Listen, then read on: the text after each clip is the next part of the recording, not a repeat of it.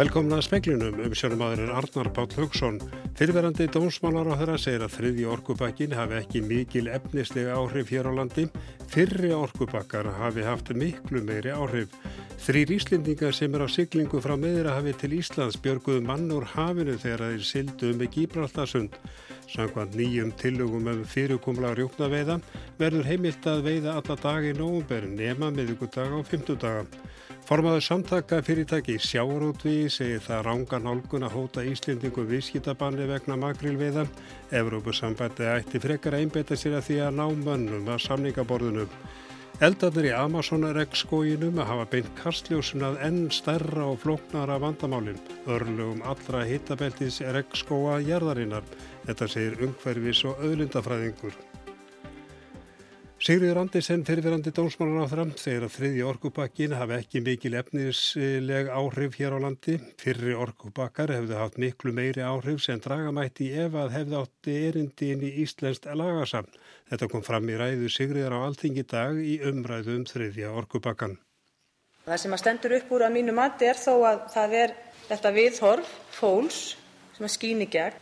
Sko einlægur áhugi manna á að standa vörðum auðlindir þjóðarinnar, einnig líka einlægur eða fölskvalaus, ef maður getur sagt það, eh, ótti manna við einhvers konar framsal á valdi.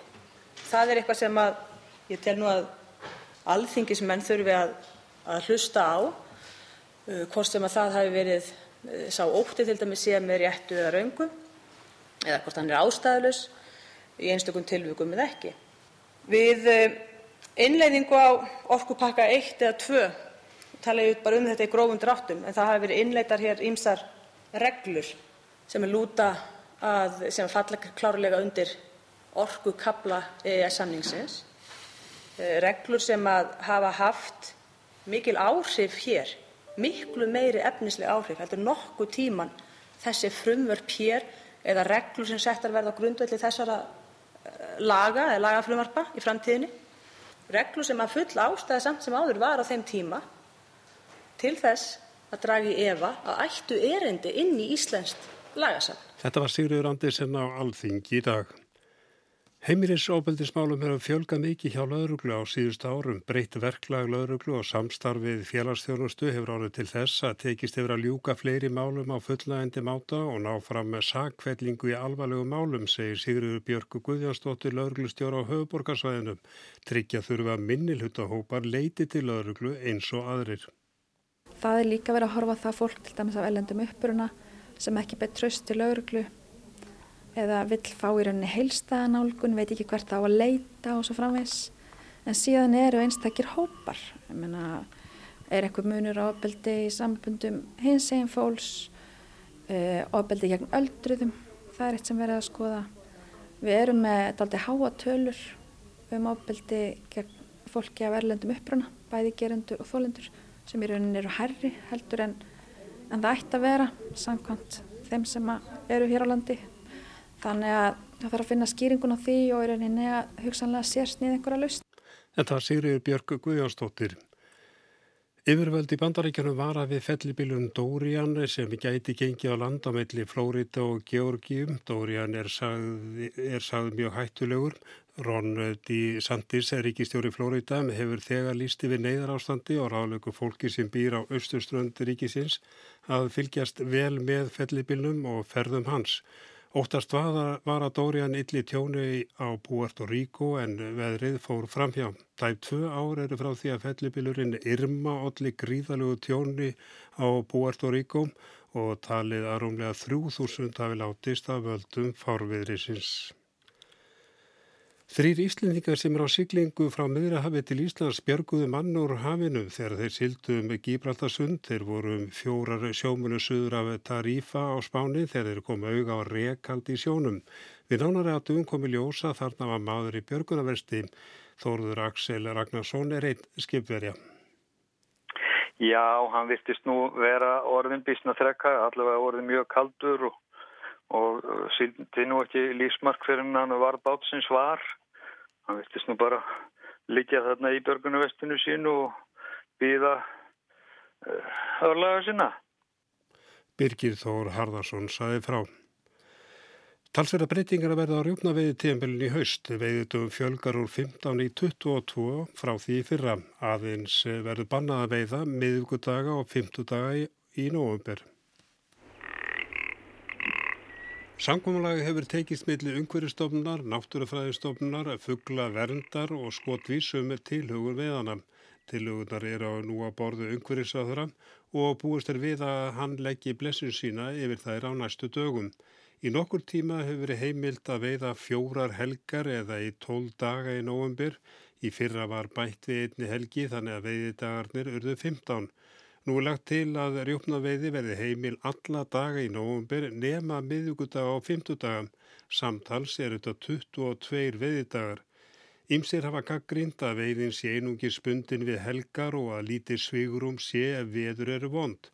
Með því að bæta við virkundögum er eh, meðal annars verið að koma til móts við þá veiðmenn sem ekki hafa tök á því að fara til veiða um helgar. Áfram verður hvað til hóflegrar veiði og áfram verður bannað að selja rjúpur. Sankvæmt að rjúpnatallingu náttúrufræðistofnar í vor fækkaði rjúpum víðans hvar á landunum nefnum í uppsveitum norð-austurlands. Annar staðar er stopnin í eða undir meðalagi meða við síðustu aldamót. Og þá á allveru málum, franskir og rúsneski forlegafræðingar veltaða nú fyrir sér hvort þeir hafi fundið beinagrinda fransks eh, herfóringja sem var í uppáldi hjá Napoleon og Fraklandskeisara. Herfóringin Charles Dean Goudan lést þeirra drepu hljóp í sárhans eftir að annar fóturinn var tekin af honum árið 1812. Charles Etienne Gaudin var meðal æðstu fóringja franska hersin sem riðist inn í Rúsland 1812. Heimildir er um að lík hans hafi verið jársett í Rúslandi en hjarta flutt til Fraklands og grafið þar. Beinagrindin fannst í Smólensk og það sem vakti aðtikli Marínu Nesteróu sem fór fyrir rannsókninni var að annan fótlegin vantaði og merki vorum sár á hinum. Kemur það heim og saman við lýsingar á sárunum sem Godan hlaut er hann varð fyrir fallbissukúli í órustu næri Smólensk. Napoleon frakka keisari ríðist inn í Rúsland 1812 og var meirinn hálf miljón manna í herr hans. Innrásinn fór út um þúgur og komust aðeins tefnilega 30.000 úr liði Napoleons af. Innrásinn 1812 lifir enn með rúsnesku þjóðinni og hefur orðið uppspretta sagna, ljóða og tónverka. Eitt þekktasta verk rúsneskrar bókmæntasögu, Stríð og friður eftir Leo Tolstói, fjallarum atbyrði tengta innrásinni. Þá sækir eitt þekktasta verk tónlistarsögunar efni við sinni í indrásina 1812 forleikurinn eftir Pjóitr Tchaikovsky.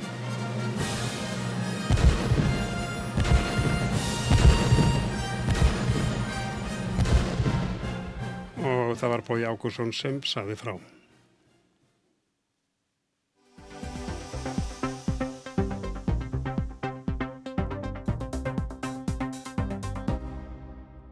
Stjórnvöld í Brasilíu hafa lagt 60 daga bann við því að kveikja elda til að riðja skólendi til að breyðast við skóareldunum í Amazonfrumskóinu. Jær Bolsonaro, fórseti landsins, undirritaði tilskipunina. Hann hefur sætt hardri gaggríni fyrir framgöngu sína vegna eldana og deilur hans við leðtóa helstu yðnríkja heimsum viðbröð við ástandinu hafa vakið ótaðum að stjórnvöld í Brasilíu taki ekki í taumana fyrir en skógurinn hefur orðið fyrir óbætarlegu tjóni og þar með jörðin öll. Jón Geir Pétursson er doktor í umhverfis og auðlindastjórnun og sérfróður um skóa í hitabeltinu. Hann starfar sem skrifstofustjóri í umhverfis og auðlindaráðunitinu og segir að mikilvægi Amazonskóarins og annara regnskóa í hitabeltinu verði seint ofmetið. Bæði vegna þess að þeir eru heimili um helmings allra tegunda lífvera á jörðinni og uppspretta stórsluta ferskvats sem rennur til sjávar. Það er ekki rétt sem viða hefur komið fram að Amazonskóurin geimi 20% af súrefni á jörðinni en hann hefur mikil áhrif á loftslagjarðar. Þannig að það hefur verið talið að svona millir 10-15 stundum herra upp í 17% af losum gróðursloftegund á hverju ári komið frá eyðingu skóa og það skiptir mestu eyðingin í hittapælsregskóunum. Hannes Holmstedt Gissurarsson, stjórnmálafræðiprofessor, hefur dvalið langtvölum í Brasilíu. Hann segir að almennt séu Brasilíu menn hlindir skinsamleiri nýtingu Amazon fremskóarins, Bolsonaro sé ekki eini leðtóin sem hafi viljað nýtan. Já, það sem að gerðist náttúrulega var það að forverðar hans eh, Lula og Dilma Rússegar voru bæði þeirra skoðunar að það ekki að gera Amazonskógin af einhverjum fríðhelgum reyti eða svona sanksjóri heldur ekkert að nýta skógin eins og hægt væri. Auðvitað teknir tilliti til um, aðstæðina til indjánuna sem að búa þarna frumbyggja og, og annars þess aftar og uh, það er best að taka því sérstaklega fram að, skóareldarnir sem eru að eru náttúrulega fæðilegir og þar var einn að koma í vekk fyrir þá. Hannes segir að margar lífsega ránkugmyndi ríki um Amazonskóin eins og svo hann framleiði 20% af súrefni heimsins. Órenhöft sé að skóurinn verð ekki nýttur en það þurfa að gera með skinsamlegum hætti. Roberto Mangabeira Unger sem var ráðherra málefna Amazon frumskóarins í ríkistjórnum Lula og Dilmu Rousseff benti nýlega á það í grein í New York Times að um 30 miljónir manna hefðu lefibröð sitt af störfum á Amazon-svæðinu. Hann telur að besta lausnin sé að greiða úr óljósu eignarhaldi á landaregnum í rekskógunum og tryggja þeir einir eigi landi sem nýtiða með sjálfbærum hætti og varðveiti rekskóin. Öðlindastjórnun í skóunum er flókin og stór pólitísk. Þetta eru risastór svæði mörg í fátækum og minna þróðum ríkjum og Jón Geir segir að kastljósi sem beinist nú að eldunum í Amazon veki aðtikli á enn starra og flóknara vandamáli. Það er ekki nema þrjú-fjór ásíðan að það var bara mjög mikið í fréttum óhemjulegir eldar í hitabælsregskóm Suðustur Asíu þar sem að borgir, stórar borgir, Kuala Lumpur, Singapur, Jakarta, það voru sko eins og við erum að sjá núna frá São Paulo í Brasilíu, það byrði fyrir sólu út af reik sem kom frá eldónu sem brunnu í skóunum á Borneo og Sumatru, sérstaklega Borneo og Sumatru. Þannig að, þannig að þetta eru sko ferðlar sem að hafa verið í gangi víðar í heiminum og það er líka búið að vera mikil umfjöldu núna sumstaður um þá elda sem eru bara akkurat að loga núna í Kongo, Gabon, Angola í þessum hittabelsregskóðsvæðum í Afriku og eldarnir eru þetta ekki náttúrulegt fyrirbæri í hinnum blöyta regskói, þeir eru þetta af urð þess að það er verið að ganga á þessi lönd á ganga fyrir ekki á þessi landsvæði, á þessa skóa fyrst og fremst með það markmið að breyta þessu land, landi í landbúnaðaland og, eh, og þetta í mjög mörgum löndum uh, sem eru skógrík og fátæk við getum tekið sem dæmi í stóra land Kongo í mið Afríku sem er eitt af fátækastu löndum heims. Það er mjög mikil regnskóur þar.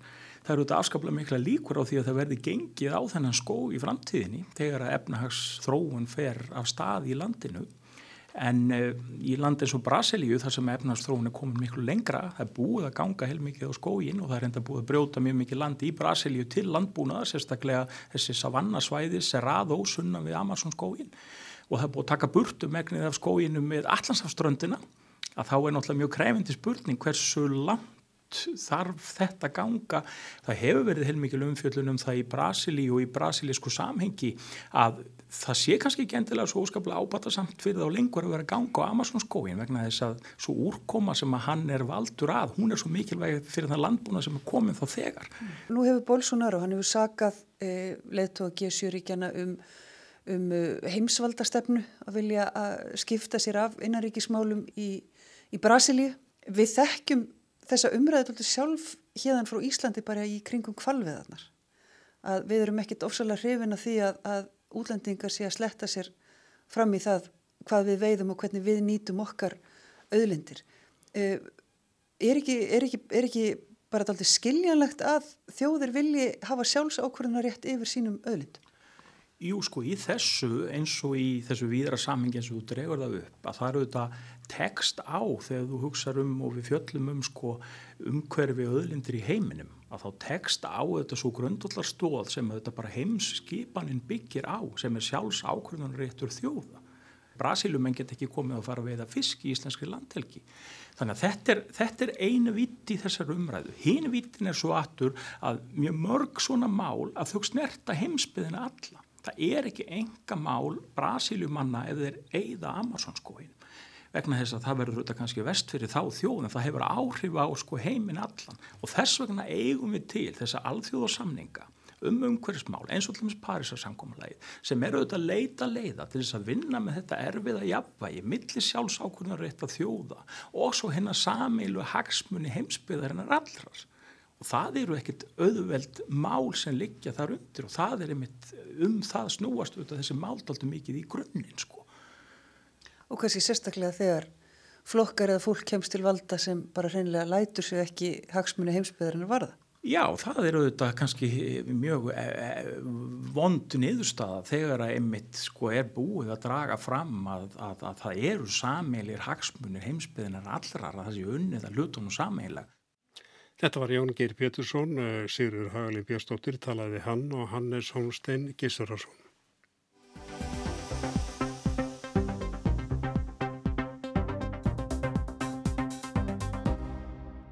Formáður samtaka fyrirtæki sjáarundvi hafnar því algjörlega að græðki hafi ráðið makrilveiðum Íslendinga.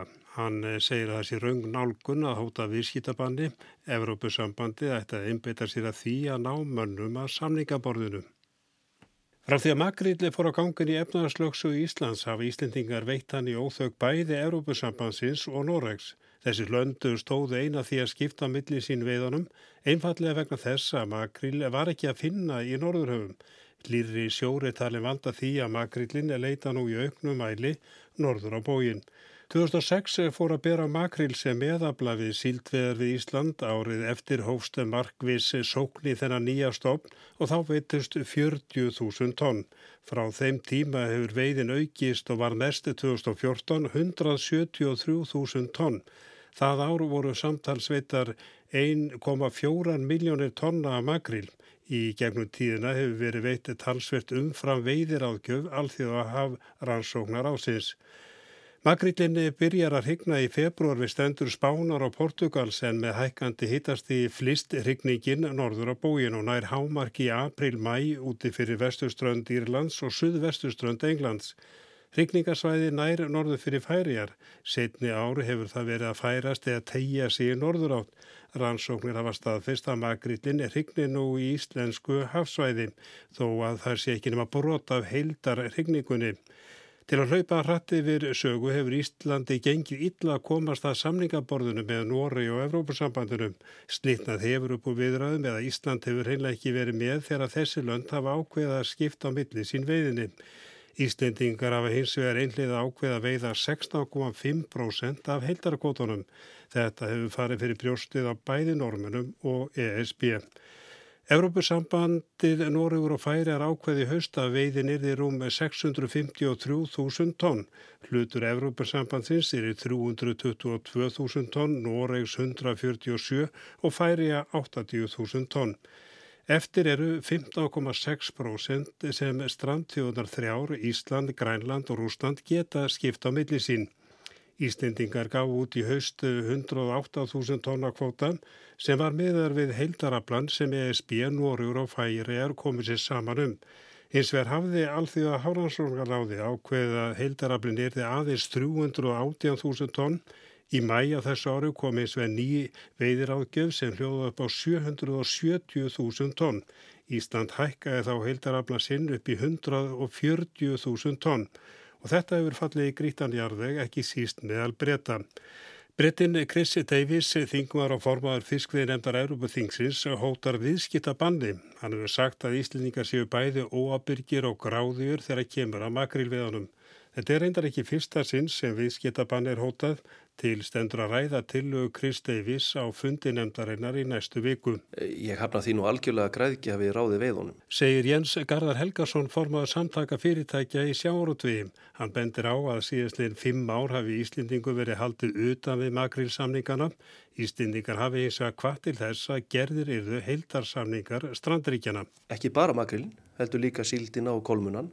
Að því að við trúum því að, að við verðum að horfa til framtíðar og við verðum að hugsa að við sem að fara að nýta þessa stopna til framtíðar og þá verða þessar þjóðir að koma sér saman um þessa deilistofna, þar á meðal makrilin og Íslendingar hafa rauninni verið leiðandi í, þeir, í þeirri vegferð að reyna að koma, koma mönnum saman að samningaborinu. Að því sögðu þá finnst mér það hljóma mjög sérstakt að það er að menn séu upp, uppi með hugmyndir eða einn maður séu uppi með hugmyndir og það er að fara að beita okkur efsaðgjörðu finnst það ekki rétt nálgun á málið. Íslendingar hvetja til þess að gerði verið samiðilega samningar strandviði þjóna en samt sem áðurum er þeim ekki hleyft að samningaborðinu en hvers vegna? Það eru náttúrulega ákveðna þjóður sem halda því fram að við eigum raunin ekki rétt á, á, á því að vera veiða makril. Uh, við hins vegar uh, bara bendum á þá einföldu staðrind að makrillin er komin hingað í lögsuguna og, og, og við erum að veiða ákveður hlut allu honum. Við höfum sínt skinnsemi í því, við höfum gefið okkur ákveðna forsendur út frá þeim límasa sem er hérna. Við höfum sínt skinnsemi í því að, að taka þá bara ákveðna prósendu af heildarkvótanum miða við það magg sem er hér í íslenskum sjó og þar af leiðandi höfum við ekki verið að leifa ólimpíska veiðar eða bara menn veiði gengdarlaust að því að við viljum stíga fram á sviðið og segja, heyrðu, hér eru við, þetta er það magn sem við erum að veiða, þetta er okkar hlutild í kvótanum og nú skulum við setjast niður allar þjóðunar og semja. Þetta á ekki bara við okkur, þetta á líka við grænlendinga til dæmis. Og það er rauninni þannig að það er Evrópusambandið, Noregur og, og Færiðar sem hafa gert með sér samkómulag um hvernig að skipta með sér kvótanum og, og Rúslandi, Grænlandi og Íslandi hefur verið haldið fyrir utan og það segir sér náttúrulega sjálft að það er ekki samningar þegar að helmingur þjóðana stendur fyrir utan. Hann segir að Íslendingum hafi staði lítið sem ekkert til bóðan. Það sé algjörlega óraunhæft með að við veiðreinslu Íslendinga undanferðin tíu ár. Eina leiði nú sé að setjast niður og horfa raunsætt á málið. En er það raunhæft? Jens Garðar segir að framöndan séu stórar breytingar eftir tvo mánuði segir breytar skili við ESB. Stór hluti af makrilveðanum séu innan breskar lögsugum. Það verður aðteglisvert að sjá hvernig rauninni samningar framtíðarna munu verða þegar rauninni komin nýr og mjög stór þáttakandi við, við, það, við það samningaborð. Það á eftir að koma ljós hvort það verður til bóta fyrir Íslendinga þegar það kemur að makrilnum. En uh, þá að ræða viðskiptabann gagvart Íslandi og Grænlandi á fundi fiskviðinemndar Evrópuþingsins í næstu viku. Reyndar svolítið sérstakti þessu að það er verið að hóta rauninni í Íslendingum og Grænlendingum viðskiptabanni. Rúsum er haldið fyrir utan þetta viðskiptabann þrátt fyrir að þeir séu ekki aðilar þessum samningi hinn að þryggja þjóðana eða þryggja samningsaðalana þannig að minnst það nú svolítið sérstakt fyrir það fyrsta. Ég veit ekki hvaða pólitík likur þar að baki en, en öðru lagi þá, þá finnst mér þetta rauninni bara svo raung nálgun hjá Evrópusambandinu. Uh, ég held að, að sko, það sem að þeir ættu nú frekar að vera að, að fókusir á er það að ná mönnum að samningaborðinu í staðið fyrir að koma með hótanir um, um viðskiptaþinganir. Ég held að það sé ekki rétt nálgun í samskiptum Evrópusambandsins og Íslands að hóta mönnum viðskiptaþingunum. Ég held að það sé mjög raung nálgun fyrir saminlega og framtíðar uh, samskipti þessara tveggja, tveggja samningsaðila. Þetta var Jens Garðar Helgarsson. Nýlega fjallaði speilnum með hvernig dragamætti stórlegu lósun frá byggingareinaði með því að minka semens innihaldi steipu. Ásmundur Einardaðarsson að ráð þeirra mannverkjamála sér fyrir sér að auknar kröfur verði gerðar til byggingargeirans á næstu árum en vill ekki fara á geist því það gæti komið íslensku fyrirtækjum í greininni illa. Er þú að vinna einhverjum aðgerðum til að minka áhrif byggingagerans á loslasmálinn? Það eru auðvitað í gangi núna að vinna við eh, endurskoðun á byggingareglgerðinni almennt og hluti af þeirri vinnu er að við höfum verið að horfa á umhverfismálinn. Auk þess eru í gangi ímisverkefni sem mannverkistofnun hefur verið að styrkja sem að lítur að lofslags, lofslagsmálum almennt. Ætlar að breyta byggingarreglgerð þannig að verði leifilegt að framleiða loftslagsvætni útisteipu sem er þá með um svona 15-20% minna sementinni haldi? Já, ég held að það sé klárlega eitt af því sem, eða það er eitt af því sem við erum með undir núna í endurskoðun byggingarreglgerðan, það eru þessi atriði og ég sé ekki ástæðu til þess að við ættum að vera takmarka með einhverjum hætti möguleika e, byggingariðnaðarins til þess að verða loftslagsvætni, það væri það væri mjög sérstakt ef að það væri stefna stjórnvalda á sama tíma og við erum að bóða það að, að vera einn framsaknasta þjóðir þegar kemur að lofslagsmálum í heiminum. Vistvóttum húsum fjölgar á Íslandi og byggingagerinn er að vakna til vitundar um ímis sóknarfæri. Stjórnvöld og félagasamtök hafa verið að skoða málið, mannverkjastofnun vinnur að því að kortleggja umhverjus áhrif geirans og vinna við að greina magn og afdrif byggingaúrgangus þeirra á loka metrunum hjá grætni byggð. Og bara kannski fyrir fimm árum síðan að þá var næri engin að spá í það hvort það væri mikil kolumnisfóðspora byggingariðna með þeim hætti sem við erum að gera í dag. Og þetta eru eitt geirin sem við þurfum að taka föstum tökum. Það séu ímist tækifæri til dæmis í því að nota kísilrik í steipu en það hafi ekki verið mikil meðvitund um þau fyrir nú. Þórildur Kristjánsdóttir, frangöndastjóri Grænni byggðar telur að til að fleiri visthús rísi þurfa að komin grænir kvatar, lægri lóða og gatnagerðagjöld getur skipt sköpum. Það byggja vistvotað hús krefist aukina rannsóknar og hönunavinnu og þá þurfi eitthvað að koma á móti. Hún rósar Hafnafjörðabæ sem nýlega veitti afslátt af lóðargjöldum fyrir vistvotuð hús. En hver er sín ásmundar? Er hægt að beita fjárhagslegum kvötum til að stula því að fleiri velji að byggja vistvænar byggingar?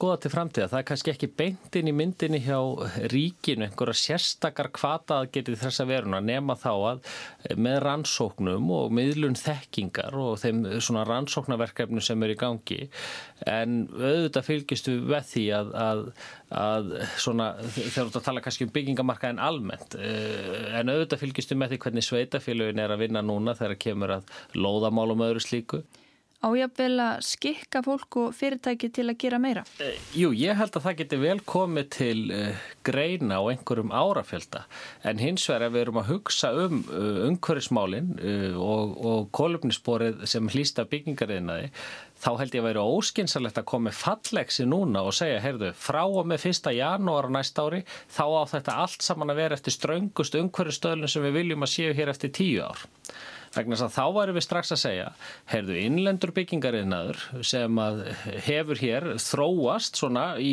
ákveðinu lagumhverfi við ætlum bara að slaufa íta honum öllum út af borðinu hér, og þá koma hér fyrirtæki inn uh, með einingarhús og annað slíkt sem að, sem að kannski eru komin aðeins lengri en við. En en við gefum þá ekki innlendiðin en tækifæra á því aðlega sig þessu og til lengri tíma lit þegar í sannfærum að það myndi vera uh, skila uh, ekki skóður í niðurstöðu og hægt væri. Þannig að ég sé fyrir mér að við eigum að vera með jákvæða kvata, við eigum að opna þetta en að einhverjum ákveðnum tímaliðinum að þá eigum við að vera með skýra sínu það að, að þá taki við miklu strángari strángari reglur og jafnvel það er svo þú segir að, að við séum þá að skikka innan til þess að uppfylla ákveðnar, ákveðnar kröfur. Það sé mikilvægt að íslenski byggingariðnaðurinn fái tíma til að aðlagast vottunum og stöðlum sem kunna verða innleitir. Það þurfi líka tíma til að byggja upp þekkingu, hún sé ekki nægileg í dag. Á næstu árum þurfi yðnaðurinn að taka markvið skref og eftir tíu ár verði hér kannski komnar ströngustu kröfur sem völ sé á. Ef þú ferð allt og frætt að þá, þá, þá ræður uh, geirin ekki við það en, en það eru þetta spurning ákvæmlega tíma þú getur gert það. Hann tekur dæmi, segir að ef steipustöðvar væru krafðar um að nota rafmagssteipubíla sem hver kostar 50 miljónir færi sá yðnaður algjörlega á liðina. Speilin spurði ásmund líka um byggingaúrgang. Byggingarefni úr húsum sem eru rifin eru yfirleitt notuð í landfyllingu eða urðuð. Jafnvel það sem velmætti nýta áfram sem byggingarefni. Ásmundur segir að þarna veri hægt að gera betur. Vegna þess að það er, eh, það er dýrara á við maður endur nýta. Snýst um að þetta er ódýrara fyrir veskið að eh, byggja á nýju en, en dýrara fyrir jörðina. Já, það er, að, það er ódýrar í núinu fyrir einstaklingin sem að er að, er að kaupa innrettingar, að, að kaupa innrettingar sem eru nýju efni heldur en endurinn efni og svo framvegis og þannig eru þetta í gangi ákveðin verkefni sem, að, sem meðalans miðar að því að skoða með hvaða hætti er hægt að byggja upp einhvers konar framleyslu eða verkefni sem að lúta því að endur nýta allan hennar mikla byggingar, byggingar úrgang sem að fellur til í okkar samfélagi og er engar vísbendingar um að, að að fara að breytast í nánustu framtíð. Áfram höldum við að byggja hús og, og kaupa innrettingar og skipta út innrettingum og, og þetta er bara þetta er hluta því næstlu samfélagi sem þjóðin okkar býr í. Mér skilst að sumstaðar séu gerðar úttektir til dæmis á Norrlöndunum áður en að byggingar eru ripnar. Þá er bara farið yfir það hvað í húsinu er notæft, hvað má hyrða og svo koma bara, kemur eitthvað lið og, og hyrðir það og mm -hmm. kemur því í farveg. Kemur þetta til greina hér? Já, mér finnst allt slíkt koma til greina og uh, það heyrur náttúrulega kannski ekki beint undir mannvirkja, mannvirkja eða byggingaþáttur þannig að þetta komin kannski umhverfistofnun og skipulás, umhverfistofnun og annað slíkt en við eigum að, að gera þetta í auknum mæli að nýta það sem, að, það sem tilfellur. Og það var Arnildur Haldunadóttir sem talaði ásmund Einar Daðarsson og